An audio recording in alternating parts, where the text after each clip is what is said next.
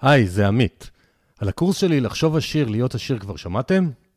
הקורס מיועד לצעירים שרוצים להגיע לרווחה כלכלית. אני רוצה שתהיו חכמים עם כסף. ברוב הבתים לא מדברים על כסף, ובבית הספר ברור שלא. בקורס יש שישה שיעורים פרקטיים על כל מה שצריך לדעת בעולם הכסף, כולל mindset שמסביר למה עושר זו לא מילה גסה. בניית תקציב בפלוס לתמיד. השקעות מסוגים שונים, גם בסכומים קטנים כל חודש. היערכות לפנסיה. ודברים חשובים נוספים כמו הבנת תלוש השכר, פתיחת תיק עוסק ועוד ועוד ועוד. זהו הקורס ההוליסטי היחידי בעולם הכסף, שנותן כלים פרקטיים לחיי רווחה כלכלית, במילים פשוטות וללא נוסחאות. בואו להתחבר לכסף בדרך הישירה והאמינה שלי. מזמין אתכם להכיר ולהירשם באתר www.2invest.co.il/עוד. קוד קופון פודקאסט ייתן לכם הנחה של 200 שקל.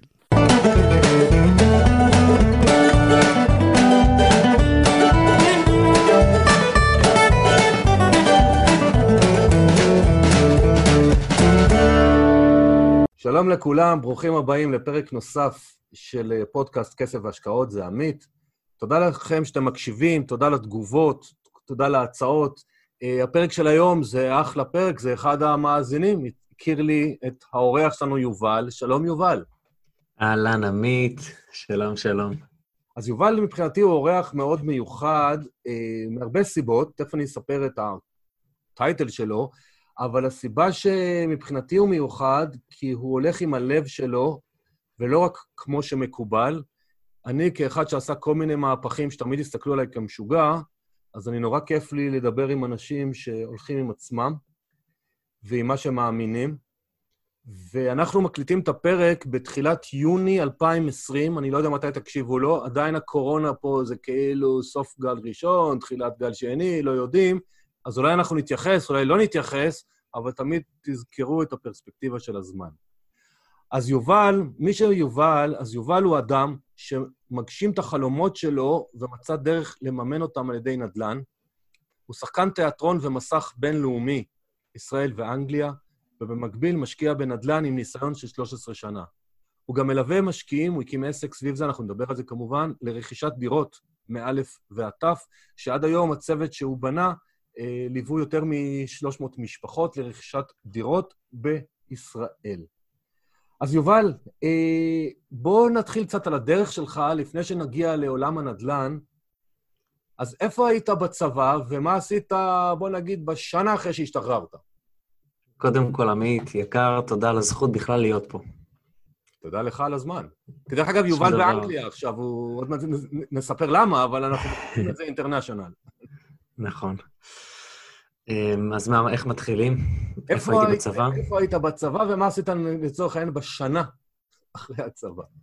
אוקיי. אמ, עשיתי י"ג-י"ד לפני שהתגייסתי באלקטרוניקה ומחשבים, כי גדלתי בבית שאמר, כן, כן, אתה תהיה... אישה איתי כשתהיה גדול, בית רוסי כזה, חינוך, אה, תעשה תואר, תהיה כמה שאפשר בהצטיין, לך תמצא עבודה טובה ותתקדם עד שתהיה מנכ"ל או whatever, ומה שנקרא, זה החלום. אז אה, אתה יודע, מה שאנחנו יודעים בתודעה שלנו זה מה שאנחנו עושים. מה שאנחנו לא יודעים, אנחנו לא יודעים לעשות, זה לא ב scope. אז הלכתי, עשיתי י"ג-י"ד, אה, הייתי ילד טוב, והתגייסתי ל-8200, הייתי פרויקטנט, ושירתתי שם שלוש שנים. אחרי שסיימתי את הי"ד, זה אומר שהתגייסתי בגיל 20 והשתחררתי בגיל 23. אמ, והייתי אמור לעשות קבע, ולשמחתי, בגלל שהייתי ליצן החצר, אז אמרו, בסדר, בוא, לא, לא צריך אותך בקבע. אז אמרתי, בסדר, גם ווין ווין. אל תפריע לנו יותר. בדיוק, בדיוק. כאילו, תודה על השלוש שנים, בידרת פה את כולם, אבל בוא, הכל טוב, אתה לא חייב לעשות קבע. ובדיוק הייתה לי הזדמנות אה, ללכת ולהיות שליח במחנות קיץ בארצות הברית דרך הסוכנות היהודית. In uh, Mukwonago, Wisconsin, baby. והתמיינתי לזה בזמנו, ומצאתי את עצמי קצת אחרי השחרור, בעצם חוגג שם את היום הולדת 23. אה, עוד יומיים אני בן 37, אז אה, וואו. מזל טוב. גם אבא חרי, אז עוד מזל טוב כפול. כן, כן, נכון. בני בכורי נולד לפני uh, שמונה וחצי שבועות בערב ליל הסדר. אושר גדול. שכחתי מה זה לישון, אבל אושר גדול. התפתחות אישית, גם זה התפתחות אישית. אמ, השתחררתי מהצבא, מצאתי את עצמי מדריך שם, והיה לי ברור שכשאני חוזר לארץ, כמו כל יוצאי 8200, בעיקר החברים שלי מגלילות, אני הולך לעבוד בהייטק. אין, אין בזה ספק בכלל. אמ, אבל שני דברים מאוד מעניינים קרו לי באותו זמן. אני גם לא מאמין במקריות, אני מאוד... יחסית גדול מאוד של הכוונה. אמ, אתה יודע, אם אתה מקשיב לבטן, שזה, שזה לוקח זמן ללמוד גם, לא פשוט. ובעצם קראתי לפני השחרור ספר אבא עשיר אבא אני, קצת לפני החפשש. אה, הפך אותי על הראש, מה שנקרא. כי היה לי ברור כבר בצבא שזה לא בשבילי. לא המחשבים ולא אלקטרוניקה ולא לשבת במשרד. אני אוהב אנשים, אני אוהב להצחיק אנשים, אני אוהב את המגע עם אנשים. והיה לי ברור, לא ידעתי מה אני כן רוצה, אבל היה לי ברור שזה לא. ודבר נוסף שהיה מדהים, שזה ב... בסאמר קמפ הזה, דרך הסוכנות היהודית, in מוקוואנגה, וויסקונסין, הייתי המון על במה, מה שהפיג פחד מאוד גדול. אתה יודע מה, אם כבר נכנסים לזה, אז אתה יודע, יש לנו הרבה פחדים בראש לגבי מה טוב לנו, או מה אפשרי עבורנו ומה לא. ופתאום אני רואה שאני נורא אוהב את זה, ושזה לא כזה מפחיד כמו שחשבתי. הרבה לא... סיפורים בראש יש לנו, אבל השאלה בבית ספר, היית גם בשחקן תיאטרון, אז הצחקת את החבר'ה תמיד, או שאז היית ילד... אה, חשוב לו ציונים, כי אבא ואמא אמרו ציונים טובים, ו... אוקיי, okay, אז, אז מעולם לא הייתי על במה לפני זה, היה לי פחד במה נוראי. אה, הייתי ליצן הכיתה, כן, כל השיעורים הייתי מצייר ועושה קולות. אה, במבחנים, אבל, בגלל החינוך הרוסי והבית, תמיד דאגתי לחרוש על הטוסיק ולהוציא ציונים טובים. אחרת לא היו נותנים לי לצאת לשחק כדורגל, וזה מגיל מאוד צעיר. אין ציונים טובים, אתה לא יוצא לשחק כדורגל השבוע. ואני מבחינתי כילד, כדורגל היה החיים שלי. כן. אמ, אגב, זה גם משהו שאני אומר, זה דבר נפלא שקיבלתי מהבית, שאם היום אני צריך עכשיו לשבת ולעשות משהו, בין אם בא לי ובין אם לא בא לי, יש לי את המשמעת העצמית הנדרשת לשבת על הטוסיק ופשוט לעשות את זה עד שאני גומר עם זה. אה, שזה, אתה יודע, אחת המתנות הכי גדולות שקיבלתי מהחינוך הזה. אז, אז, אז הלכת בסאמר קמפ ושחזרת לארץ, אז... אוקיי, okay, אז... אז לא הגעת להייטק אפילו דקה, או שיצא לך קצת... לא, לא, הייתי בסאמר קמפ והייתי שם המון על במה, ומה שנקרא, התחיל לבעבע בתוכי הרצון הזה לפתח את זה. אה, לא ממש ידעתי מה זה תיאטרון, לא, לא ראיתי הרבה הצגות כילד, זה לא היה משהו אצלנו בבית. אה, חזרתי לארץ, התחלתי לעשות אה, רעיונות עבודה, ומצאתי את עצמי עובד בחברת סטארט-אפ קטנה בהרצליה פיתוח, בשם Flash Networks. זה בבניין שצמוד ל Holmes Place, לחדר כושר שם. איך אני יודע? כי הייתי בורח כל הזמן מהעבודה לחדר כושר, כי... תראה, זה התחיל נפלא. אמ, הייתי אז אה, ילדון בן 23, בדרך ל-24. הרווחתי משכורת ברוטו שקרוב ל-14, זה היה מבחינתי מטורף בגיל הזה, פשוט מטורף. אתה יודע, שוב, הכל תודעה, היום זה נראה לי מגוחך, אבל אז לא, זה אבל היה... אתה בחור צעיר אחרי צבא, אחרי סאמר קמפ, כן. אתה פתאום עצמאי, ואני מכיר את ההרגשה הזאת. ואז איך, אה, איך התקדמת בסולם הדרגות בהייטק? אחרי חודשיים בערך הבנתי שזה ממש לא מה שחשבתי שזה, וזה רחוק מאוד מלהיות בשבילי. אה, בצבא התעסקתי יותר ב... במחשבים ואלקטרוניקה, ושם, בכוונה, הלכתי והתעסקתי יותר בתחום ליד זה, שזה אמ, יותר תקשורת נתונים, מה שנקרא TCP/IP. ו- וגם זה, מאוד מהר הרגשתי שזה לא בשבילי, ולשבת כל היום מול מסך מחשב, ולהיות במחוות שרתים וכל הדברים האלה. עכשיו, הנטו שלי היה 9,800, ובראש שלי מתחיל להתבשל חלום של uh, ללכת ולהיות שחקן. ממש, לעשות את זה הכי מקצועי שאני יכול, ללכת ללמוד משחק שלוש שנים וללכת על זה פול גז. עכשיו, תשמע, אתה, אני בסביבה שכל החברים שלי, רובם, או שהם רחוקים מאוד מההייטק ועובדים בעבודות מועדפות ואומרים לי, על מה אתה מתלונן בכלל? תגיד תודה שיש לך כזאת משכורת. אתה יודע, כל התנאים, הרכב חברה עם המדבקה, מסעדות, אה, ארוחות צהריים במסעדות, שזה, אתה יודע, למישהו שהוא לא מכיר את זה, זה נראה נוצץ בטירוף. והחברים האחרים, כולם בהייטק גם. מה, אתה יודע, חבר'ה מהיחידה, או שעשו את ג' י"ד, וגם בכל מיני חברות הייטק. ואני לאט לאט, החודשים עוברים, ומתחילות להופיע בעיות בריאותיות. פתאום אלרגיות בעיניים שמעולם לא היו, פתאום גרד בכל מיני מקומות שמעולם לא היה, כאבי שכמות נוראים, אה, כאבי גב, גב תחתון. עכשיו, אתה יודע, תמיד הייתי אתלטי, רצתי מגיל מאוד צעיר, כדורגל, הכל, מאוד אוהב ספורט, עד היום, תנועה בכלל, ו... אני אומר, איך, אני בן 23, עוד מעט 24, מה, מה זה כל הבעיות האלה? זה אף פעם לא היה. מלא אלרגיות הופיעו. הלכתי לרופאים, נותנים לי כל מיני כדורים של, אה, אתה יודע, הברז נוזל, אז תשים מגבת ותספוג את המים מהרצפה, במקום שיגידו לך פתרון לסגור את הברז. מהר מאוד הבנתי שזה לא, משם לא תבוא הישועה, והתחלתי ללכת לרפואה אלטרנטיבית. והלכתי לדיקור סיני, בחור מדהים בשם רז, שטיפל בי, הייתי בא לשם פעם בשבוע, ואחרי שכבר הוא הרגיש איתי בנוח, הוא אמר לי, טוב, תשמע, אני אגיד לך את זה, זה פשוט, אה, אולי זה לא יהיה לך נעים לשמוע, אבל הנשמה שלך זועקת ואתה לא מקשיב. וזה מה שקורה, וזה הגוף שלך מקבל את התסמינים של זה שאתה לא מקשיב לזעקות של הנשמה. ועוד אני... משהו מאוד מעניין. אז אני אה, אפריע לך בשנייה, כי לי היה דברים דומים, אבל אצלי זה היה בגיל 31 או 2, משהו כזה. שאני הלכתי לשיטת גרינברג, לא יודע אם שמעת עליה, זו גם שיטה שמאבחנת גוף נפש, ואמרו לי, אתה צריך לנוח, אתה פשוט עייף מנטלית. היה לי שני ילדים קטנים, לא ידעתי בדיוק מה, מה רוצים מהחיים שלי, אבל אני באמת, אני, אני מאוד מבין את זה, ולכן אני שמח, ולכן בחרתי שנתחיל לספר את הסיפור הזה, כי הפודקאסט אמור לתת לאנשים השראה, לאלה שמקשיבים לנו עכשיו, חברים וחברות, וכואב לכם ולא נוח לכם, בייחוד אם אתם צעירים, תסתכלו עמוק עמוק פנימה ותספרו לעצמכם את האמת. סליחה, יובל, תמשיך. אני, אני, אני פשוט שנאתי את זה, עמית, זה לא שלא אהבתי את זה, שנאתי את זה. ירדתי באיזשהו שלב ל-80% משרה. זה אומר שהרווחתי באזור ה-10,000 שקל, והגעתי ראשון עד רביעי, ואתה יודע, זה אנשים מאוד איכותיים ותנאים מאוד טובים, וסומכים עליך, הרבה אחריות אישית, הון אנושי מאוד איכותי. גם ביחידה שהייתי ו- ו- וגם שם, ואתה יודע, זה... אבל אני שונא את העבודה, אני מרגיש שאני בא בבוקר, אני שם את המפתחות של הנשמה שלי באיזה קופסה, ובא בלילה לקחת את זה, וכל בוקר שעה פקקים הלוך, שעה פקקים חזור, אני התחרפנתי. עכשיו, באיזשהו שלב, כשירדתי ל-80% משרה, זה עוד פעם נהיה נסבל, ועוד פעם, מאוד מהר הרגשתי, רגע, אבל אני כאילו, בורא עולם נותן לי... אנחנו לא יודעים כמה זמן יש לנו, אנחנו לא יודעים מה יהיה מחר. אני לא יודע מה יהיה עוד, עוד דקה מעכשיו, אני לא יודע מה יהיה. והרגשתי שאני כאילו... מקטין את עצמך, מקטין, סוגר. לא רק מקטין את עצמי, אני כאילו, אני כאילו מבזבז את, את, את, את האנרגיית חיים שניתנה לי. אני ארבעה ימים בשבוע הולכים לפח.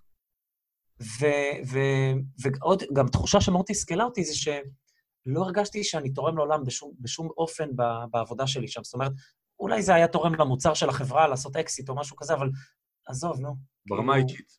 אז, אז ברמה אישית. לך, אה, את השלב הבא של האומץ ולהגיד, רגע, אני הולך להגשים את הנשמה. וכשאתה עונה לי על זה, בבקשה תענה לי על עוד משהו שהרבה פעמים לאנשים קשה, ואני רוצה שניתן להם השראה. מה הסביבה אמרה? בוא נתחיל מהבית, שכיוונו אותך להיות מנהל במרכאות. איך הצלחת, אני מנחש, כי אני פשוט מכיר את זה מעצמי ומאחרים, הסביבה מאוד לוחצת מהמקום שלהם, הם אנשים טובים, הם דואגים מהפחדים שלהם, הם לא יודעים מה עובר לנו בראש. איך, איך הצלחת ללכת עם האמת שלך, ומה, ואיך התקדמת? היה לי אמ, באותה תקופה אירוע מכונן. אני ישבתי לארוחת ערב אחרי שסיימתי, הייתי מסיים לעבוד נורא מאוחר, כי כל היום הייתי, אתה יודע, מבזבז את הזמן אה, במרכאות, הולך ל Holmes Place, מתאמן, שוחה, משקולות, חוזר, אה, נכנס לאינטרנט, הולך, נוסע על... ואתה יודע, ממש בלילה כבר, כשלא היה לי ברירה, הייתי עושה את כל העבודה שהייתי צריך, ויוצא הביתה מאוחר כדי שלא יהיה פקקים. אז באחד הערבים האלה הגיע חבר יקר, ועשינו ארוחת ערב שם באחת המסעדות בהרצליה. ושיתפתי אותו, והוא גם עמד בדיוק לפני שחרור מהיחידה, הוא היה איתי באותו מדור בגלילות, והוא כבר התראיין לכמה חברות הייטק מוצלחות, וידע כבר לאן הוא הולך. בגלל שהוא הכיר אותי, אה, אז הוא הרגיש מאוד בנוח, אתה יודע, לדבר איתי פתוח על הכל. והוא שאל אותי שאלה בחיי זה כאילו איזה משהו גבוה דיבר דרכו. אה, אם, אם כסף לא היה, לא היה המהות, מה היית עושה עם החיים שלך? ופתאום היה כאילו מין חלל ריק כזה בתוך הראש שלי, אף פעם לא חשבתי על... אתה יודע, תמיד זה היה בשביל ביטחון, בשביל כסף, בשביל שיהיה אוכל, בשביל שיהיה... איך לחיות. עכשיו, משהו מדהים קרה, שכאילו בצורה אינסטינקטיבית, עניתי לו, אז הייתי רוצה לשחק.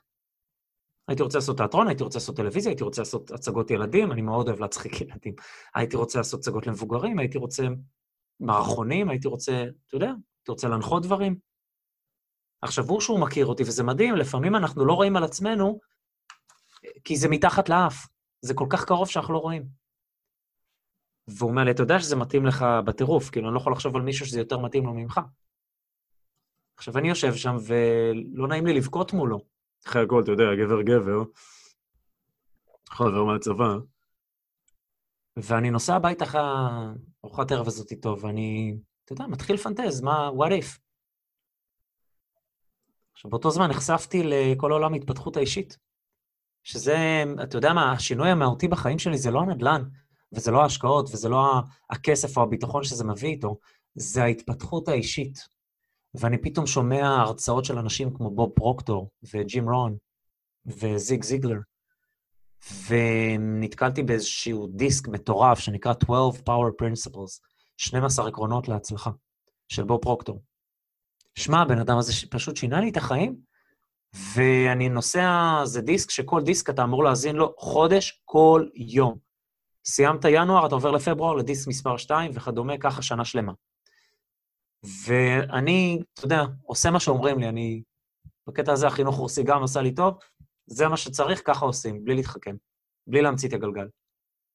תהיה מה שנקרא coachable and trainable. ואתה יודע, היום זה נראה לי מוזר, אבל בדיעבד אני מסתכל על זה, ופשוט המוח שלי והתודעה שלי פשוט השתנתה. פתאום מה שתפסתי שאפשרי עבורי ולא אפשרי עבורי, הדימוי העצמי שלי, הלמה אני פה, והאם החלומות שיש בי הם, הם פנטזיה, או שאולי זה איזה מתנה מהבורא, והתחושת בטן שאני רוצה להגשים אותה היא, היא מה שנקרא, זה הסימן מלמעלה, שזה אולי מה שאני אמור לעשות פה. עכשיו, אני נורא חושש להגיד זה לסביבה, כי מעולם לא הייתי על במה.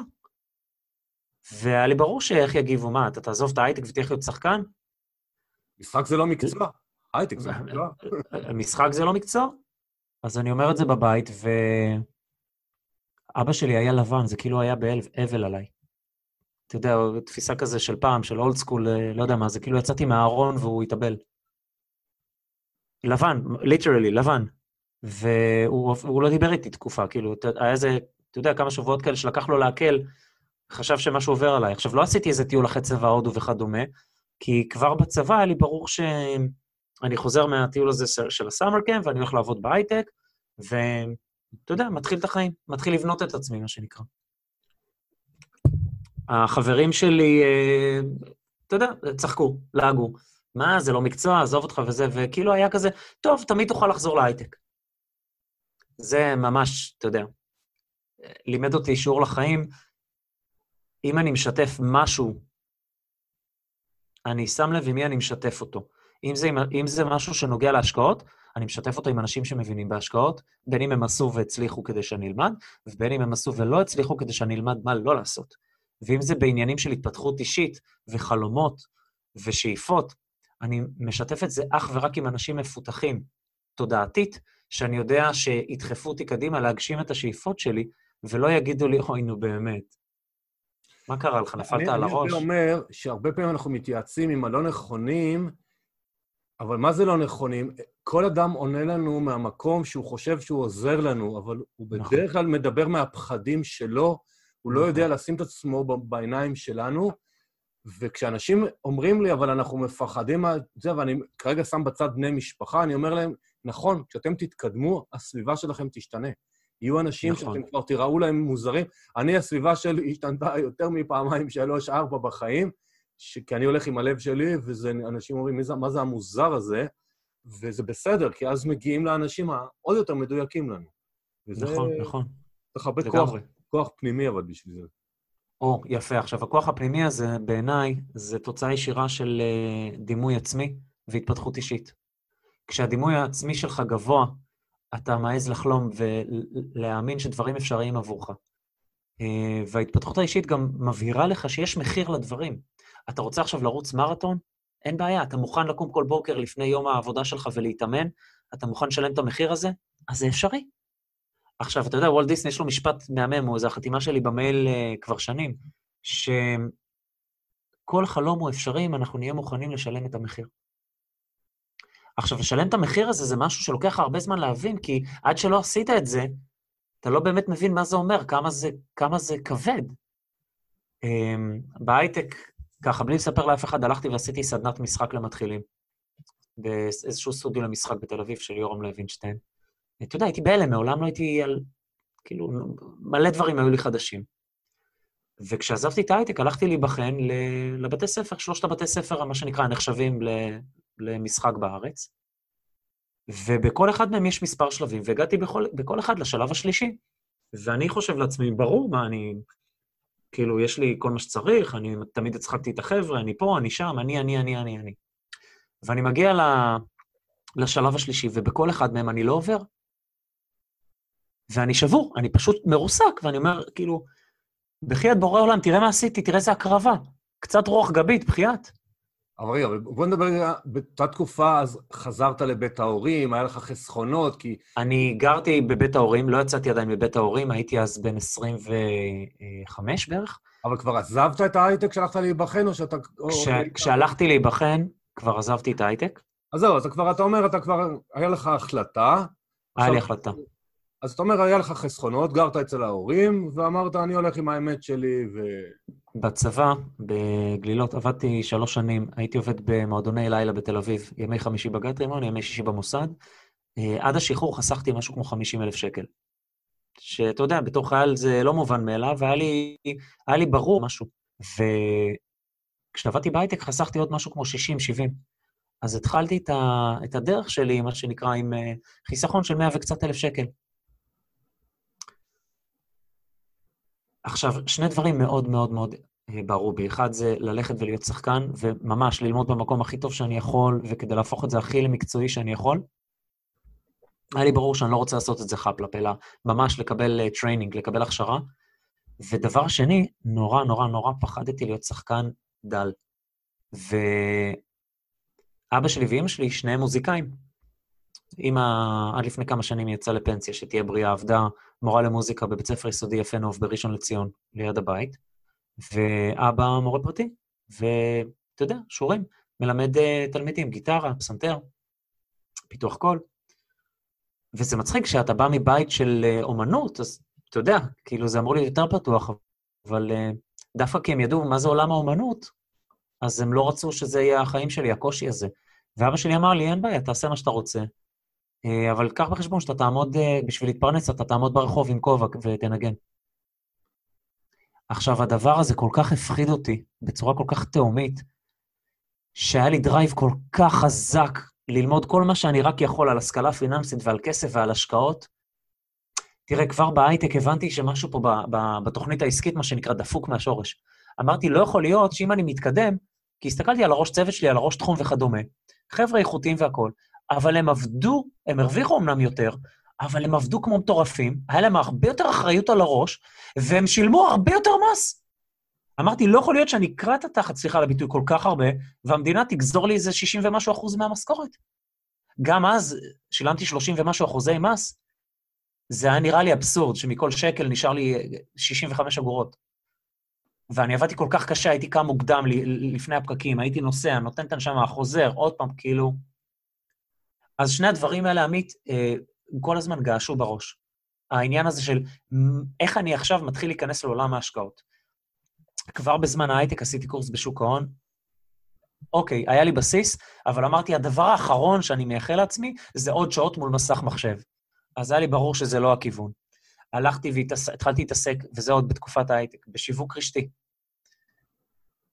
תשמע, שיווק רשתי, לכל מי שמאזין, אני רוצה להגיד לכם, יש לזה המון חסרונות ויש לזה אבל גם יתרונות, ואחד היתרונות הכי גדולים של זה, שזה בעיניי בית ספר מאוד זול לפיתוח יכולות של עצמאי. וכשאנחנו שכירים, אין לנו את היכולות האלה, והמוח שלנו מעולם לא נדרש לסגל אותן. אז אה, אני ממש ממליץ על זה בחום, בעיקר לאנשים שמתכננים יום אחד להיות עצמאים. והדבר הכי נפלא שיצא לי מהשיווק הרשתי, אגב, שככה הגעתי להתפתחות האישית, המוצר היה 2008 Success University, והמוצרים היו הרצאות התפתחות. וככה נחשפתי להרבה מאוד מנטורים ברמה עולמית. אמ, אז אה, כסף לא עשיתי מהדבר הזה. אין מקריות בחיים. אין, אין, אין. שני אנשים, אתה ואני, שמאמינים בעולם הזה, אין מקריות. אני גם חושב שכל שלב שאנחנו עוברים, אפילו אם לפעמים זה נראה לנו בזבוז זמן, הוא אבן הכרחית ורק בדיעבד אפשר לראות את זה. כן, כן, רק בדיעבד. באותו רגע לפעמים זה, זה מעצבן, זה... אם לא הייתי עושה את ג' י"ד והולך לעבוד בהייטק, לא הייתי יודע שמה שאני רוצה לעשות זה להיות שחקן. אלא כן, מה שהיה נכון. קורה זה שהייתי מסיים צבא, אני לא יודע מה הייתי עושה בצבא, ואז כנראה הייתי הולך ללמוד ארבע שנים באיזה אוניברסיטה, אה, כמו רוב החברים שלי, הנדסת, הנדסה כזאת או אחרת, ורק אז הייתי מגיע להייטק, ורק אז, במקום שזה יקרה בגיל הכאבים. 24, זה היה קורה בגיל 34, ההבנה הזאת שזה לא הכאבים. בשבילי. כן, כן. יופי, מגניב. אז, אז בוא עכשיו... אז אני מבין מהסיפור חיים שאתה אוטודידקט, או לא, אולי לא אוטודידקט, אתה אוהב ללמוד. זאת אומרת, אתה לא מתבייש להגיד לעצמך, אני לא יודע, ואז אתה הולך ללמוד שיווק רשתי, שוק ההון אה, וכל מיני תחומים. המשחק כמובן. בוא תספ... תיקח אותנו עכשיו, איך התחלת עם נדל"ן? זאת אומרת, שאנשים עכשיו אומרים לעצמם, בוא'נה, יובל אה, מספר לנו סיפורים, בוא, אבל איך אה, תכלס, כאילו, מה, איך הוא התחיל עם הנדל"ן? הוא קרא אבא עשיר אבא אני שהיה בצבא, אבל מה בין זה לבין... אה, פתאום הוא שחקן? עכשיו בוא תסגור לנו את המעגל, ואז נתקדם עוד. אז אנחנו, אני, אני הולך לשוק ההון, אני רואה שזה לא בשבילי, אני עושה שיווק רשתי, זה לא בשבילי. ו... ואז אמרתי לעצמי, אוקיי, אז בוא, אבא עשיר אבא אני, אני קורא את זה שוב פעם. זה כבר היה כשהייתי בהייטק. הפעם הזאת זה ממש חלחל. אמרתי, אוקיי, זה בדיוק מה שאני הולך לעשות, בדיוק מה שהוא מתאר בספר. אני הולך לרכוש מספר נכסים, ואני הולך לתת ערך מאוד גבוה לאנשים, זאת אומרת, אני הולך לתת להם, לספק להם שכירות, אני אצור שיהיה לי דירות נעימות, ומהנכסים האלה אני הולך לייצר הכנסה. עכשיו, היה ברור גם שאני רוצה מספר מאוד ספציפי. היעד שלי היה 9,800, בדיוק כמו המשכורת נטו שהייתה לי בהייטק.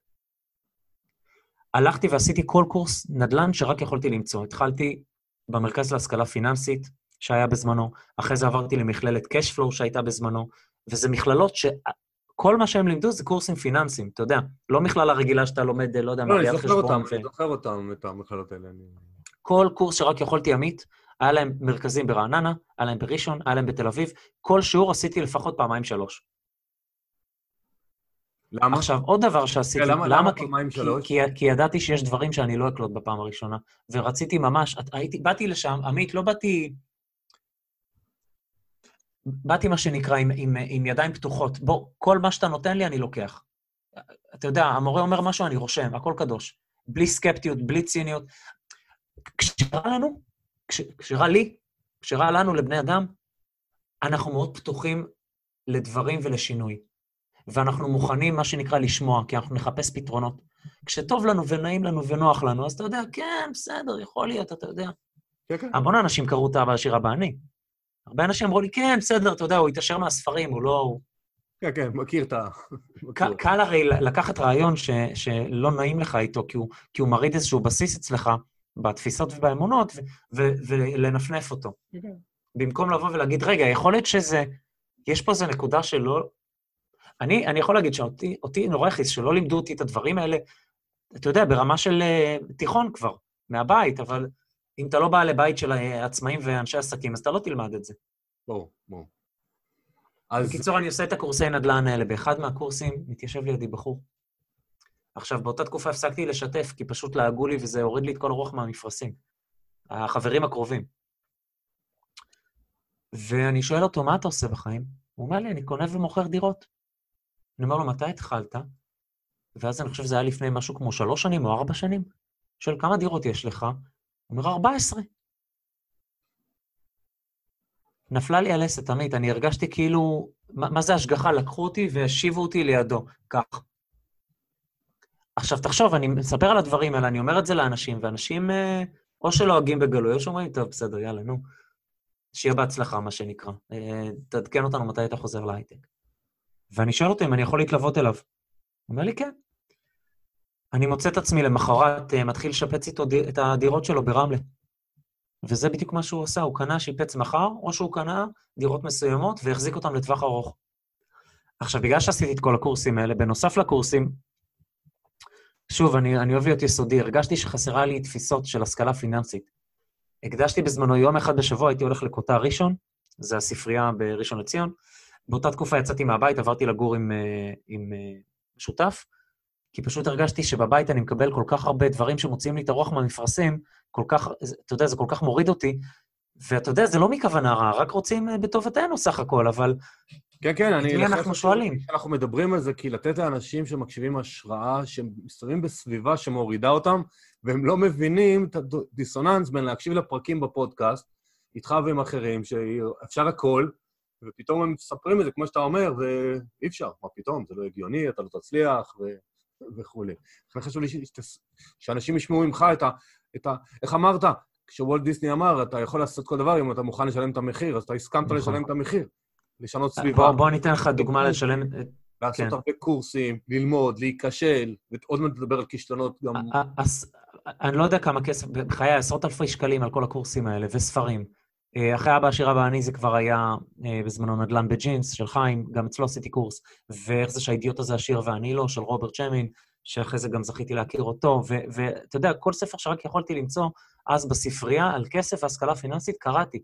יום בשבוע הייתי מקדיש לזה, הייתי בא לספרייה לשש שעות, נכנס לשם עם אוכל וסנדוויצ'ים שהייתי מכין לי מראש, ואומר, השש שעות האלה זה להשכלה הפיננסית שלי. לא טלפון, לא הפרעות, לא כלום. שתבין כמה, כמה זה היה לי חשוב. היית נחוש, מעולה. עכשיו, באחד הקורסים היה מטלות. היית צריך לצאת לשטח ולעשות חקר שוק. ונדל"ן זה חקר שוק סך הכל, זה עבודת רגליים, זה לא... נדל"ן עושים בשטח, לא עושים אותו מהבית. התחלנו קבוצה. מהר מאוד היינו, ירדנו לארבעה אנשים, מהר מאוד היינו שניים, ומהר מאוד נשארתי לבדי.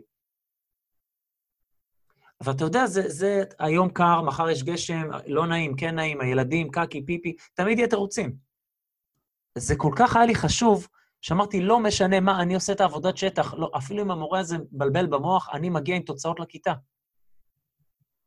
ורצה הגורל, בקורס אחרי זה שעשיתי, התיישבתי ליד אותו בחור. עכשיו, את החקר שוק שלי עשיתי על רמלה, ואותו בחור, אה, גילי, השקיע ברמלה. זה, כמו שאמרתי, לקחו אותי והושיבו אותי לידו, הכוונה. עכשיו תראה, מרגע שאני מתחיל לעבוד איתו ולשפט זירות, הכל טס. התחלתי להכיר את כל היועצי משכנתה שהוא עובד איתם בבנקים, את כל הסניפי בנקים, את המתווכים שהוא עובד איתם, את השיפוצניקים שהוא עובד איתם, ברמה של איזה נגר הוא עושה מטבח כזה, ועם איזה נגר הוא עושה מטבח כזה. מהנקודה הזאת, זה כבר היה, אוקיי, עכשיו אתה, יובל, אתה צריך למצוא לעצמך מציאה וליישם את מה שלמדת בקורסים, כי אם, מה שנקרא, תתחיל ליישם.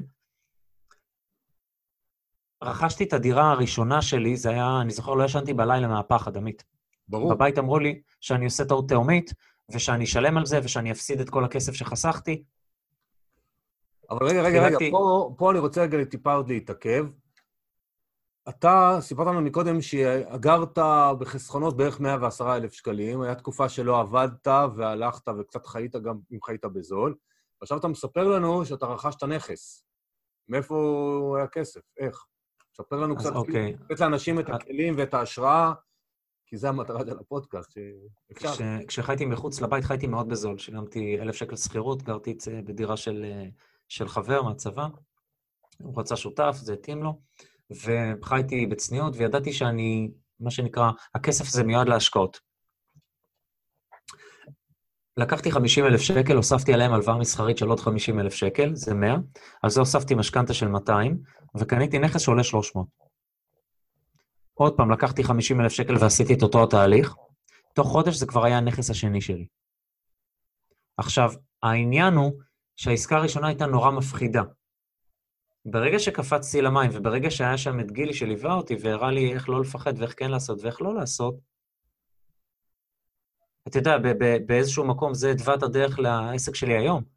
של לתת יד למישהו שהוא בתחילת דרכו, וכדי להכניס אותו למים, שלא יפחד. אנחנו עוד מעט נדבר על העסק, אבל אני רוצה עוד פעם קצת, ניתן לאנשים את ה... כי הם שואלים את עצמם עכשיו, רגע, מה זה... עזוב שהמחירים היום הם 500, 600, אה, כנראה, אני, לא מכיר את האזור ההוא, ולא 300, אבל מי נתן לך הלוואה מסחרית? למה נתנו לך משכנתה? לא עבדת. עכשיו, עוד פעם, התנאים אולי היו אז שונים, אבל אה, קצת לתת לאנשים את הפרקטיקה, איך הם יכולים גם לעשות את זה מחר בבוקר, מי שמאזין לנו עכשיו. הלכתי להמון בנקים, ובהרבה מאוד בנקים לא הסכימו לדבר איתי בכלל. מה פתאום, אתה לא עובד, אי אפשר, זה לא משנה שהיית איש הייטק, והייתי צריך להביא את אימא שלי שתחתום ערבות.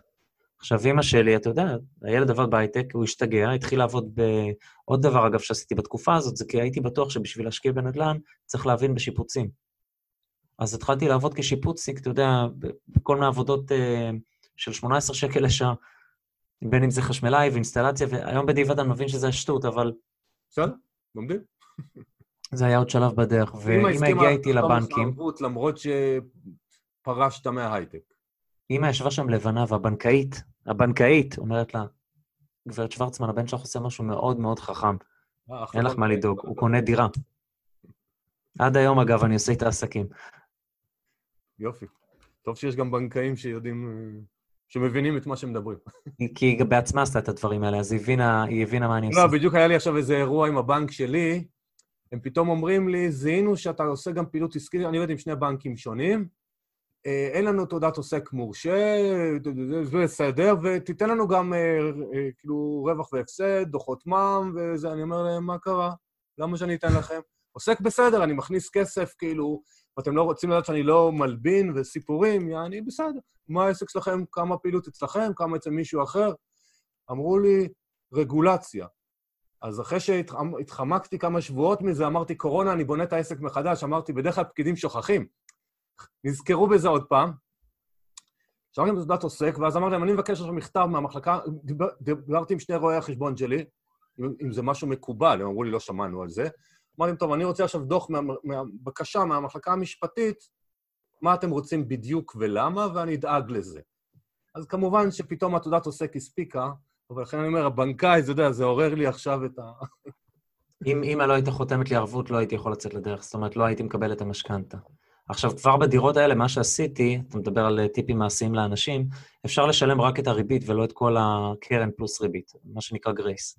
ובזמנו, כשאני התחלתי, אה, היית יכול גם לקחת את זה לכמה שנים טובות קדימה. מזרחי בזמנו נתן את זה לעשר שנים. מדבר איתך 2008, 2009, ואני לקחתי את זה כל פעם לתקופות של אה, שנתיים-שלוש, והייתי ממחזר את זה. ויצא שהדירות הזולות האלה של ה-300,000, גם היום במדינת ישראל, דרך אגב, יש דירות זולות של 300-400 אלף. זה, זה נשמע מצחיק במציאות של 2020, אבל זה קיים. בדיקה פשוטה ביד שתיים. יצא שקיבלתי שכירות של, בנכס הראשון הזה, של 2,500 שקל, זו דירת שלושה חדרים ברמלה, וההחזר שלי לבנק היה 300 שקלים. זאת אומרת שיצרתי הכנסה פסיבית מהנכס הזה של 2,200 שקל.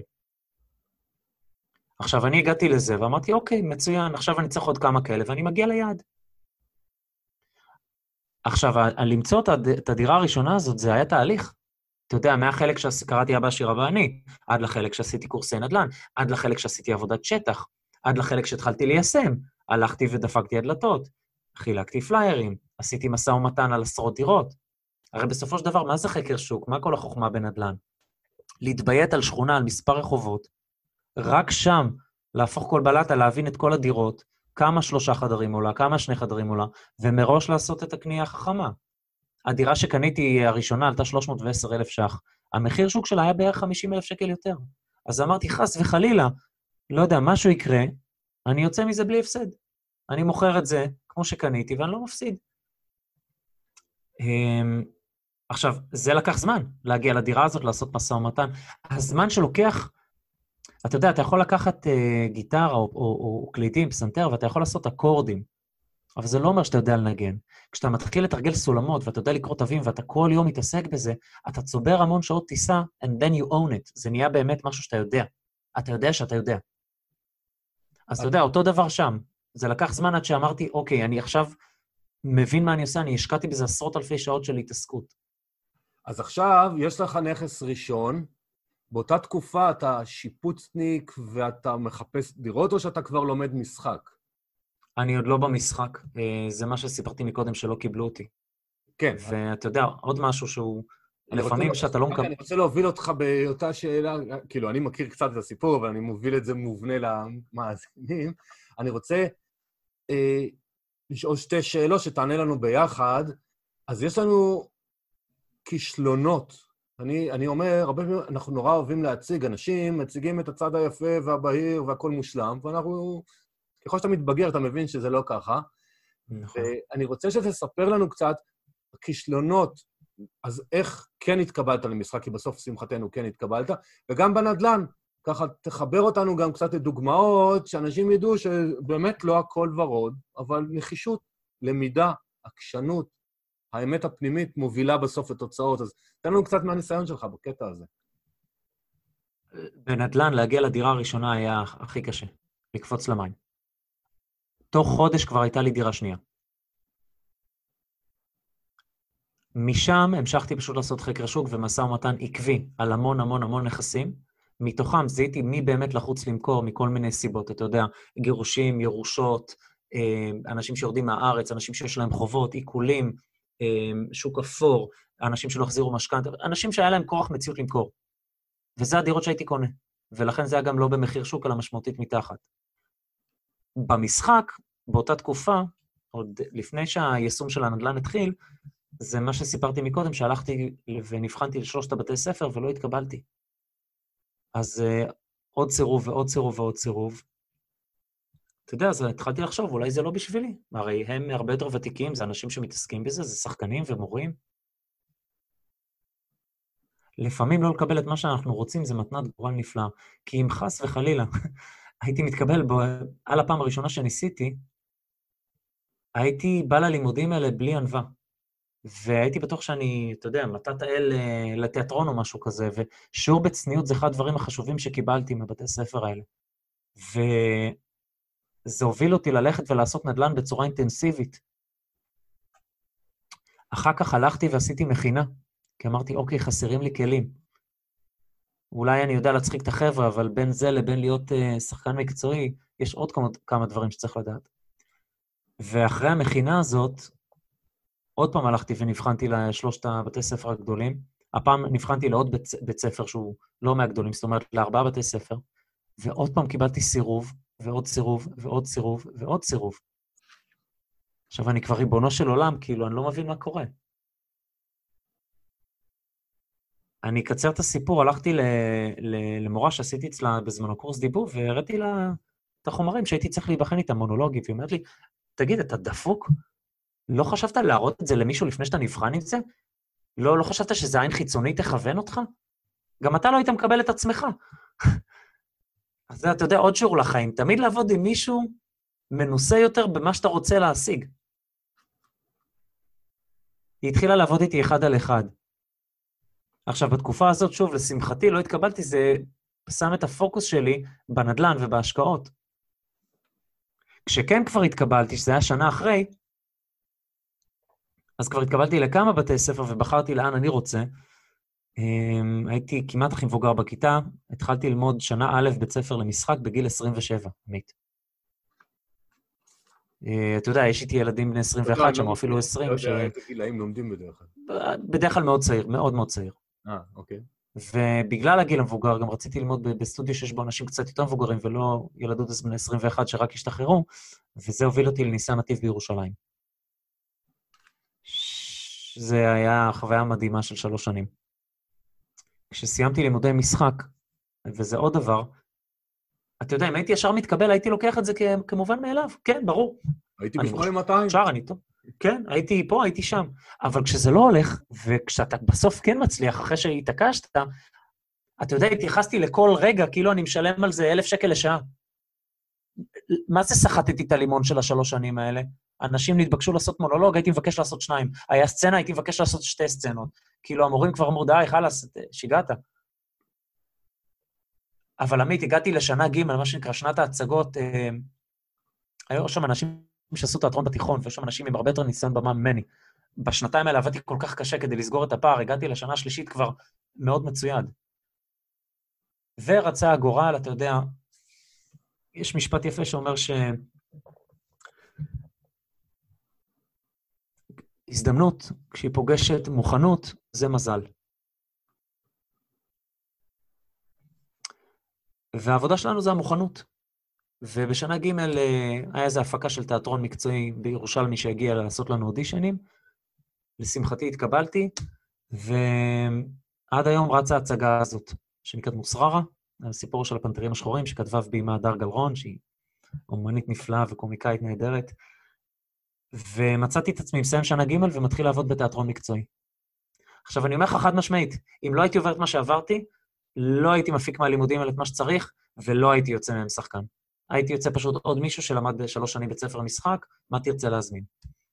לא, וגם לא היית מתפנה לנדל"ן, כי היית חושב שאתה הולך להיות נכון. אליל במות, והיית... נכון. אה, נכון. אז איזה כיף, איזה כיף. עכשיו, תספר לנו קצת בנדל"ן, אז יש לך דירה שנייה, אוקיי, עכשיו, מה, ו... מה, מה שקרה זה שבזמן הלימודים, עמית, מה שנקרא, כל פעם היה לי כבר את כל הקשרים, והייתי עושה כל הזמן במקביל את המשא ומתן הזה, והייתי מקדיש לזה המון זמן בסופי שבוע, כשלא היה לימודים. ואם היה צריך, הייתי באמצע שבוע לפעמים אה, ככה מבריז בעדינות מהלימודים, נוסע ל- לרמלה, הולך, עושה משאים ומתנים, וכל פעם כשהגעתי למחיר טוב, זה היה דירות שהייתי מגיע אליהן בעיקר כבר אז ממתווכים, שהיה לי איתם רשת שעבדתי עם כמה חבר'ה שממש נהיינו כבר חברים, וכל פעם שמצאתי עסקה טובה, כבר הייתי נועל אותה, הולך לבנק להוציא אישור עקרוני, העורך דין, שכבר גם נהיה חבר, אה, מה שנקרא כבר, מביא לי את זה, את הבן אדם אליו לשולחן החתימות, קונה אותה ומביא משכנתה. רק הבעיה שהייתה לי זה ההון העצמי, כי ההון העצמי שלי נגמר אחרי שני, שני הנכסים הראשונים. עכשיו, המשפחה שבהתחלה כל כך אה, דאגה ואמרה לי, אל תעשה את זה, אל תעשה את זה, אל תעשה את זה, פתאום, אתה יודע, עוד שנה עוברת, ועוד שנה עוברת, ועוד שנה עוברת, והם רואים שהכל בסדר. אז פתאום אולי גם תקנה לאחיך, אולי גם תקנה לאחותך, אמא תכף יוצאת לפנסיה, אולי גם נקנה דירה לאמא. עכשיו, זה גם מדהים, אתה עושה משהו שכולם אומרים אוי ואבוי, אוי ואבוי, ופתאום כשהם רואים שהשד לא כזה נורא, טוב, אולי גם אני אבוא איתך. בסדר, זה הגיוני, אנשים אוהבים מצל- מצליחנים. העניין אבל, שהדירה הראשונה שקניתי, עמית, אגב כישלונות, משהו שלא התייעצתי ונפלתי בו חזק, זה היה להכניס אה, דיירת שלא עבדה, או יותר נכון עבדה כמכינת קפה אצל מישהי שהייתה קוראת בקפה. מה שנקרא- אז היא הכינה את הקריאה בעצם. לא, זה היה קפה ללקוחות ששותים, לא קפה שקוראים בו. אה, שתבין, חשבתי בחשב מאחורי הקלעים מה הולכים לקרוא לבן אדם. אם חד-הורית, והילד שלה עובד בשיפוצים בלי תלוש. כאילו כל... אי אפשר לבקש עוד כמה סימני אזהרה, הכל, הכל, הכל, הכל על הקיר כבר. לקח לי חצי שנה לפנות אותם דרך בית משפט. זו הייתה הדירה הראשונה שלי. עכשיו, כמובן שאתה יכול להבין בבית איך הגיבו לזה. נו, אמרנו לך, ברור. מה חשבת? רמלה. מה ציפית? נו, מה? מה ציפית? מה? איך עכשיו? מה תעשה עכשיו? נו, נו. שוב, הפסקתי כבר לשתף באותה תקופה, כבר יצאתי מהבית, אז נטרלתי הרבה מאוד מהרעשים האלה. בסופו של דבר זה נתן לי שיעור לחיים על איך להכניס דייר, מה שנקרא, בצורה הכי מסודרת והכי נקייה שאפשר. אני כנ- עשיתי מאז, אתה יודע, עבור עצמי ועבור לקוחות, בערך 350 עסקאות. אני יכול להגיד לך שכל העניין הזה של ההשכרות, ברגע שאתה עובד לפי מתודה מאוד מאוד מסודרת, ממש ממש פשוט. העניין זה לדבוק במתודה הזאת, לא לזוז ימינה ושמאלה. עכשיו, הנכס השלישי, הרביעי, החמישי, שזה כבר קרה בזמן ניסן נתיב, היה מכספים שהצלחתי להלוות מהמשפחה, כספים שהיו בפק"ם. אתה יודע, סבא, סבתא, אבא, כל מי שהסכים להקשיב לי ולא, ולא זרק אותי מה, מהדלת, מה שנקרא. ופשוט שילמתי להם ריבית. אמרתי, אתה מקבל ככה וככה בפק"ם, בוא אני אתן לך הרבה יותר. לקחתי את הכסף הזה כמרכיב ההון האישי, הוספתי על זה עוד פעם משכנתאות, והתחלתי לצבור דירות כאלה שעלו בין 300 ל-350. כשהכלל אצבע היה, מה שנקרא, כל דירה כזאת שקניתי, שראיתי לפחות 20 נכסים, מה שנקרא, קניתי רק את המציאות הכי טובות שמצאתי. עכשיו תראה מה זה, עמית, הפוך על הפוך. אני עם חמישה נכסים, אני לומד משחק בניסן נתיב בירושלים, עזבתי את ההייטק. רצה הגורל, הדירות האלה שנקנו ב-300,000, הייתי בתקופה מטורפת מבחינת עליות ערך. אני מסיים את הלימודי משחק והשווי שלהם הוא בין 600 ל-650 אלף שקל. זאת אומרת, 300 אלף שקל עליית ערך פר נכס. חמישה נכסים, מיליון וחצי שקל. וזה, וזה גם לפי התאריכים שאתה מספר, לדעתי זה אפילו לפני התקופת מס שבח, שב-2014 עד 2017, אז גם אפילו לא היית לשלם מס שבח.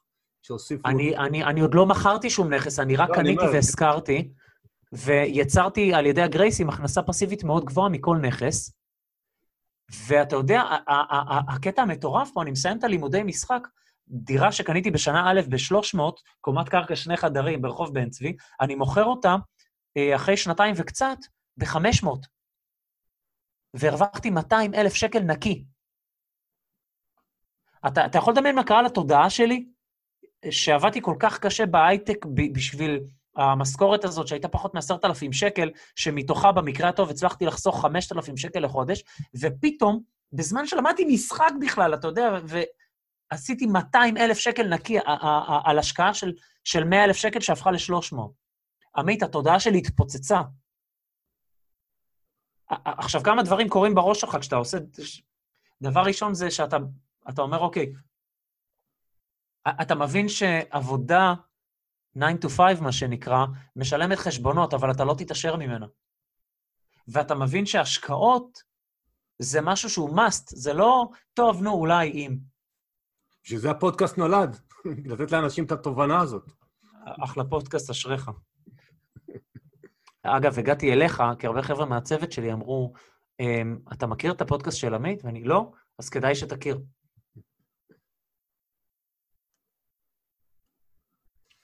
אז אתה עם תודעה שמתרחבת. עמית, היה לי ברור שמה שנקרא, אם אני רוצה לצבור הון, הנה אחד מהמסלולים הכי חזקים שיש. אני בראש שלי עשיתי את זה בשביל ההכנסה הפסיבית, ואגב, מה שקרה מאותה תקופה זה לקחתי את הנכסים שמכרתי, ועם ה... בוא נגיד, סתם דוגמה, הנכס הזה שנתתי דוגמה, לקחתי את ה-200 אלף שקל האלה, וקניתי סינגל פמילי הום בארצות הברית. איך הגעתי לארצות הברית? גילי ו- ויוסי, שני המנטורים שליוו אותי בתחילת דרכי בארץ, שאחד, מה שנקרא, ממש אה, ירדתי איתו לשטח ושיפצתי את הדירות שלו, והשני היה, ה, נקרא לזה, המורה המכוון שלי, ועד היום אני לומד מהם המון, אתה יודע, כמעט 15 שנה אחרי. Um, הכרתי ביניהם בחופשת פסח בשנה א' שלי בניסן נתיב, אז כל החבר'ה, אתה יודע, בילו בים, ואני לקחתי את שני המנטורים שלי וטסנו לעשות חקר שוק באטלנטה. עכשיו, זה היה ב-2010, שנה א' שלי בניסן נתיב, וב-2008 השוק האמריקאי התרסק לרסיסים. וכל אחד מאיתנו חזר עם אה, בית צמוד קרקע, מה שנקרא single family house, ב-60 אלף דולר, שלפני המשבר היה באזור ה-110-120. אתה אומר, אוקיי, כאילו, מקסימום אני לא ארוויח הרבה, אבל להפסיד אני עוד לא, לא רואה לאן עוד זה ירד. הם לימים הפכו את זה לעיסוק המרכזי שלהם, ויש להם היום חברה מאוד מצליחה בתחום. ואני הלכתי, אתה יודע, חזרתי לארץ, ניסן נתיב וכדומה. ומה שקרה זה דרכם, אה, התחלתי לרכוש את כל ה single family homes האלה. אז כל אקזיט הומר לבית כזה בארצות הברית, שמניב לפני הוצאות קרוב לאלף דולר אה, שכירות. אחרי הוצאות, משהו נשאר במקרה הטוב 550. 40-60 אחוז בדרך כלל, כן. כן.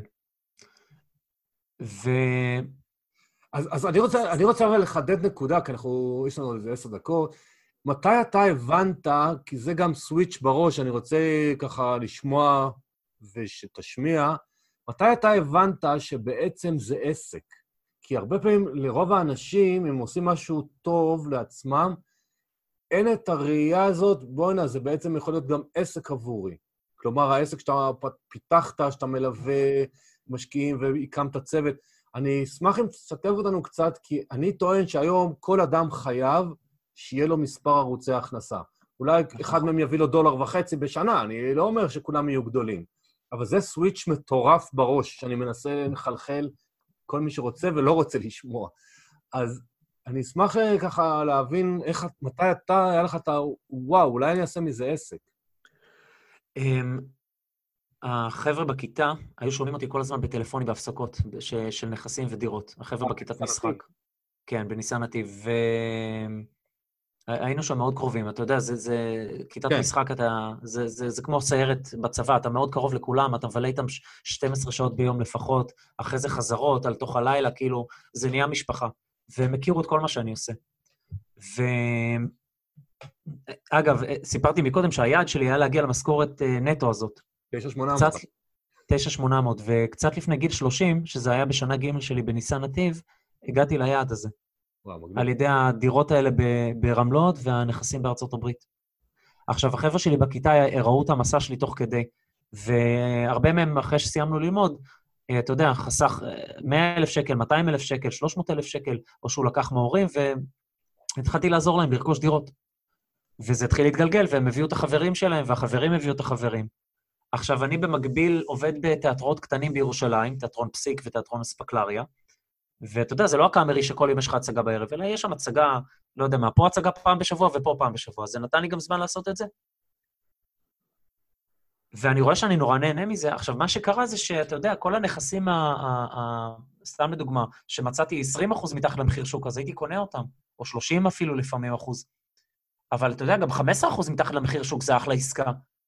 ומישהו שזה דירה יחידה ואין לו מיסים, זה בכלל טירוף.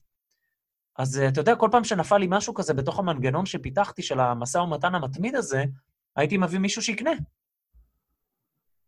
עכשיו, אתה יודע, לא היה לי בתודעה בכלל עסק שמה עסק, פשוט רציתי לעזור לחברים שלי. כשהם התחילו להביא את המשפחה, אז אמרתי, רגע, זה לא חברים שלי, מה, אז אני אקח על... סליחה, אז אני אקח על זה איזשהו של, של תשלום. ואז התחלתי, אתה יודע, גביתי משהו מאוד סמלי, וזה גדל וגדל וגדל וגדל וגדל. ואז אמרתי, אוקיי, אני רוצה להפוך את זה למשהו מאוד מסודר. אז בהתחלה זה היה רק אני, אה, ורק ברמלה לוד, איפה שהכרתי. ואחרי זה התחלתי לקחת חבר'ה שהם נדל"ניסטים כמוני, שעבדתי איתם, והיינו מתייעצים אחד עם השני. אגב, זה משהו מאוד חשוב, כשאתה עושה משהו, להקיף את עצמך באנשים שהם גם עושים את זה, שאפשר להתייעץ איתם. וההפריה ההדדית הזאת היא, היא כל כך חשובה ומאוד מחזקת. ואז לאט לאט, אה, מה שנקרא, כבר יכולתי ללוות אנשים ברמלה לוד ובגני אביב, לא רק בעצמי, אלא ביחד עם עוד אה, צוות של אנשים שעשה את זה. ומה שנקרא, עם כל אחד מהם דוגמה אישית, כי הם עשו מה שאני עושה. ואז באו אליי אנשים עם הון עצמי נמוך יותר, אז התחלתי לפתוח אופרציות זולות, כמו בקריות, ואז באו אנשים עם הון גבוה יותר, אז פתחתי אופרציה גם ביפו ובבת ים, וככה זה התרחב. והיום בעצם יש לי צוות ואנחנו עושים ליווי, פתח סוגריים, למצוא לבן אדם נכס, לעשות עבורו משא ומתן, לעזור לו בשיפוץ, למצוא לו סוחרים, סגור סוגריים, בעשר ערים. ויש לי היום צוות של עשרה נדל"ניסטים, והם פשוט מדהימים, ואתה יודע, הסוד טמון באנשים, פשוט הסוד טמון באנשים. להקיף את עצמך באנשים הנכונים, האמינים, החרוצים, הטובים לעשייה. אז אני רוצה רגע לשאול אותך, אנחנו עוד פעם, אני מדגיש למאזינים, אני לא יודע מתי אתם תשמעו את הפרק, אנחנו ביוני 2020. יש הרבה דעות לכאן ולכאן, האם זה הזמן הנכון לקנות בישראל נכסים, זה יקר מדי, זה זול מדי, המחירים ירדו, המחירים יעלו. תן לנו קצת מהאני מאמין שלך, אה, מהניסיון, כי יש לך ניסיון כבר של הרבה מאוד שנים. אה, האם זה זמן נכון? האם תמיד זה זמן נכון? האם תמיד זה לא זמן נכון? אני חושב שדירה יחידה, מכיוון שאין מיסים, לא בקנייה, ואם החזקת את הדירה לפחות 18 חודש, גם אין מיסוי במכירה, אני חושב שמה שנקרא, יפה שעה אחת קודם, קדימה, לצאת לדרך. יש לך שקל, תקנה דירה שעולה 4 שקלים. כי אפשר לקבל 75% מימון על 25% הון עצמי. זה הטבות מטורפות. אנשים שלא מכירים נדל"ן לא מבינים כמה ההטבות האלה מטורפות. Uh, סתם לצורך הדוגמה, לקחתי 100,000 שקל, קניתי דירה שעולה 400, והמחיר שוק שלה הוא 450, ואחרי כמה שנים מכרתי אותה ב-500, כי שחקתי בינתיים משכנתה ובנוסף הייתה לי עליית ערך, הפכתי 100,000 שקל ל-200. וזו תשואה מטורפת שאפשר להגיע אליה תוך, אה, אתה יודע, שנתיים, שלוש, אם, אם, עושים, אה, אם עושים את הדברים נכון. ולאנשים שזה לא דירתם היחידה, אז uh, אם זה לטווח ארוך, אני ממליץ בחום. אם זה לקנייה ומכירה, פחות, כי אלמנט המיסוי יחסל חלק ניכר מהרווח. אה, אז מה זה אצלך, אבל איך אתה מגדיר טווח ארוך? האם אתה מתכוון לאנשים שרוצים לבנות את זה כחלק מהפנסיה, או שאתה אומר חמש כן. שנים, או עד שזה יעלה 42 אחוז? מה, כל כן. אחד מגדיר טווח ארוך פשוט אחרת, אז איך אתה מגדיר טווח ארוך? אני אומר, אם אתה קונה את זה לפחות לחמש שנים, תיתן לעוגה זמן בתנור לטפוח, אין בעיה, מה שנקרא, אם קנית מראש במחיר טוב, אטרקטיבי, וקנית באזור שמתפתח, שאין בעיה גם להשכיר שם, אז אתה תעשה כסף טוב, וגם המס רכישה המעצבן שיש היום, שהוא 8% נכון להיום, גם זה יתגמד עם, עם השנים. ולכן אני אומר, לפחות חמש שנים זה לא דירתך היחידה. הערה באלף למאזינים, לא לך, נכון שהשמונה אחוז מעצבן, רק מה שאנשים לדעתי טועים, הם מושבים שמונה לאפס, אבל לפני שהעלו את זה לשמונה זה היה שלוש וחצי. זאת אומרת, בשעונים שאני קניתי ב-2010 ודברים כאלה. נכון. זאת אומרת שתמיד תעשו את החשבון שאתם נדפקים ב-4.5 אחוז, לא ב-8 אחוז, כי, כי זה לא היה אפס, לפחות מאז שאני מכיר את עולם הנדל"ן וב-15 שנה האחרונות. זאת אומרת, אז הדלתא פה היא המשחק ולא ה... לא עמית, גם לעצמי, גם לעצמי אני עדיין קונה נכסים בארץ. אני חושב שזה אומר הכל. צריך לזכור שמדינת ישראל, שטחים שלה מאוד קטנים, ויש הרבה מאוד יהודים בכל העולם שרוצים חתיכה מהקרקע הזאת. יש בו צוואר בקבוק של קרוב ל... 50 ומשהו אלף דירות בשנה של ביקוש, לפי נתוני הלשכה המרכזית לסטטיסטיקה, אגב. כן. שבין הביקוש להיצע של הדירות, וזה צוואר בקבוק שגורם לעליית מחירים. מקום המדינה ועד היום, זה רק הולך ונהיה קשה יותר לקנות דירה. יש תקופות שהמחירים ירדו בהם, בעיקר בשנות ה-90, שהעלייה מברית המועצות הופסקה, אבל זה רק, אתה יודע, ופתאום היה מלא דירות חדשות שלא היה להם קונים, אבל לאט-לאט, שוב, אני אומר, הצוואר בקבוק הזה התמלא ותפס את זה. יש ביקוש שגורם לעליות האלה. עכשיו, שוב, יש אזורים שהם לא זזים, הגרף שלהם נראה מאוד סטטי, קו ישר. שם אני לא ממליץ לגעת. אבל ברוב האזורים שאם אני מסתכל אחורה, המחירים עלו בצורה עקבית, זה נפלא. ויש בארץ איזשהו אתר אה, שמראה לאנשים בקלות תנועת מחירים? כי נגיד מדלן הוא מראה תנועות מחירים? אז במדלן אפשר לדעת, ואפשר להיכנס ל, ל, לאתר של רשות המיסים, לאתר נדלן שלהם, שאפשר להסתכל שם, אה, מידע מיסים, מידע נדלן, ואפשר, היום גם ביד שתיים יודע לקרוא את זה מאותו אתר, ואתה פשוט מסתכל, מה היו המחירים באותו מקום? אתה יודע, אתה רוצה, מה שנקרא, לקחת מגמת עלייה. שהמגמה תהיה החבר שלך. אבל שוב, אני חושב שחלק עיקרי פה זה או לעשות אחרי שרכשתם הבנה בתחום והשתפשפות, או, או להיעזר במישהו שהוא משופשף, כי אחרת זה יכול להיות כואב. ואני חושב שזה נכון לכל תחום השקעות. זה אני מאוד מסכים איתך.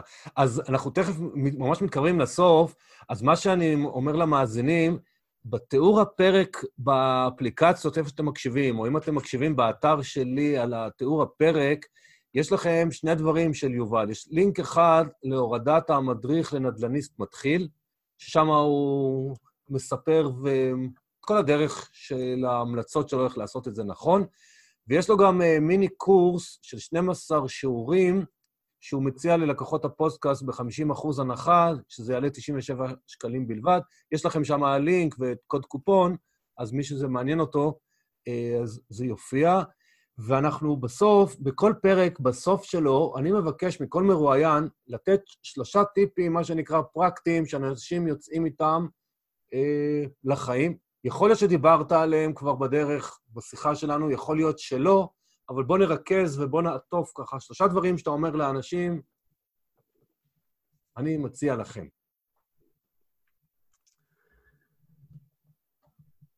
קודם כל להבין שמה שאנחנו תופסים לגבי עצמנו, המחשבות שלנו לגבי עצמנו, על מה אפשרי עבורנו ומה לא אפשרי עבורנו, הופכים להיות, זאת אומרת, אנחנו הופכים להיות המחשבות האלה. ובאמת, אין לי, אין לי איך להדגיש את זה, כמה זה חשוב, העניין הזה. אני קורא, לזה סיפורים, אני קורא לזה סיפורים בראש, אנחנו מספרים לעצמנו סיפורים, אנחנו גם בטוחים שאנחנו צודקים, ולפעמים זה מקטין אותנו. אדם חי את הסיפורים שהוא מספר לעצמו, עמית. זה ממש ככה. כן. המציאות שלנו זה השתקפות של מה שקורה אצלנו בפנים. אני היום נמצא, בשנתיים האחרונות אני באנגליה, אני עושה פה תוכנית לשחקנים מכל העולם, ואני מנהל את העסק מכאן. אני... כמות השדים הפנימיים שהייתי צריך להתגבר עליהם כדי להבין בכלל שזה אפשרי עבורי, אחרי שאתה יודע, בארץ שיחקתי בצורה מקצועית, לשחק, להאמין שאני מסוגל לשחק גם בחו"ל בצורה מקצועית באנגלית, זה היה עיקר העבודה שלי בשביל להתקבל לפה, לא ההכנה הפיזית של המונולוגים, שירים, ריקודים, בלט וכדומה. אתה נשמע שיש לך אחלה מבטא אנגלית, אני מקנא בך. I'm working on it. It's not easy. working on it. every day, every day. אז זה הטיפ הראשון. טיפ שני? להשכיל פיננסית. לא משנה אם התשוקה שלך לא קשורה בכלל להשקעות. תראה, הנדל"ן, אני, אני התאהבתי בו. לא, בחיים לא חשבתי שזה יהפך לעסק, אבל נורא נהניתי מזה, אני אוהב את האקשן, אני אוהב את המשא ומתן, אני אוהב את האנשים, אני אוהב את השיפוצים, אני אוהב את ההשכרה, אני אוהב להכיר אנשים. זה, זה, זה תיאטרון של החיים מבחינתי.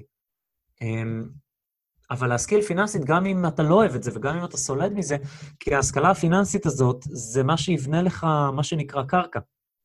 אה, כשעבדתי בהייטק היה בכיר בשם זאב שפוטר, אני זוכר שזה זעזע אותי, עמית. כי הוא היה בין הראשונים שלה, שעבדו שם. ואמרתי לו, ביקשתי לשבת איתו לצהריים, ואמרתי לו, איך, אבל איך, איך, איך זה יכול להיות שמפטרים אותך? אז הוא אומר לי, נהייתי כבר לא רלוונטי, אני יקר להם. אני אומר, מה זה יקר להם? מה אתה, מה אתה בורג, אתה מכונה, אתה בן אדם? יש לך משפחה, יש לך ילדים, יש לך נכדים? הוא אומר, כן, אבל uh, זה עסק. ו- והדבר הזה שהוא אמר לי, הבן אדם הבכיר, החכם הזה שאני החזקתי ממנו, שראיין אותי, שקיבל אותי לאותה עבודה בזמנו, שהוא אומר לי שהוא עכשיו הולך לחתום אבטלה, זה זעזע אותי, זה העיר אותי. יש ספר שנקרא להתעורר, שאני מאוד ממליץ עליו, זה פשוט זעזע אותי.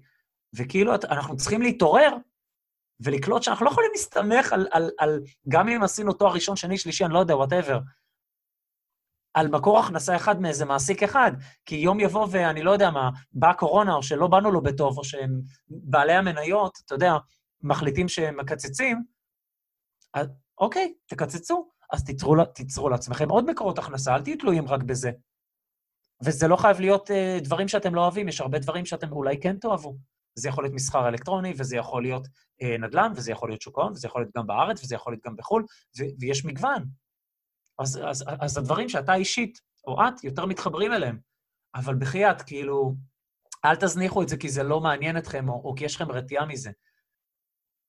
ובכלל, הרתיעות האלה נובעות מכל מיני תפיסות מוטעות שיש לנו לגבי כסף. אה, אחד הדברים הראשונים, כשאני הייתי צריך לעבור בתהליך הראשוני שלי, היה לנקות את כל השטויות האלה מהראש. מוכר. יש לי ספר נקרא Change Your Mindset, Think Like the Rich באמזון, כי נכון. זה הרבה סיפורים. והשלישי?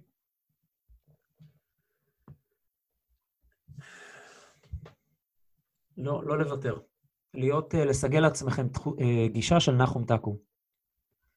יש באחד מסרטי רוקי שם מונולוג מאוד מרגש, שהוא מדבר לילד שלו והוא אומר לו, בדיוק חשבתי על זה לפני כמה ימים, כשאני מחזיק את הקטנצ'יק שלי, שהוא אומר לו, אתה יודע, פעם היית כזה קטן, הייתי יכול להחזיק אותך ביד.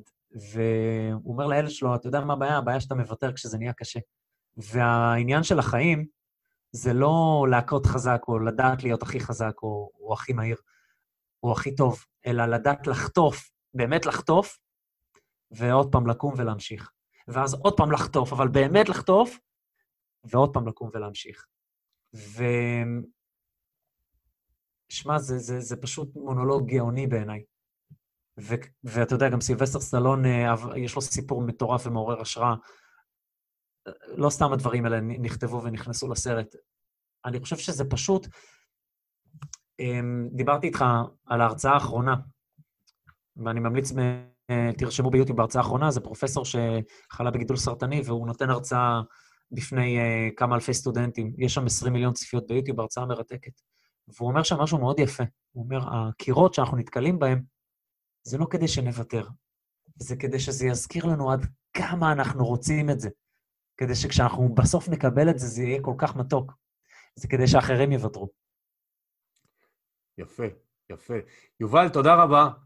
אני למדתי הרבה, לי היה מרתק. תודה רבה על הזמן שלך, ועל הזמן שלך לא עם התינוק.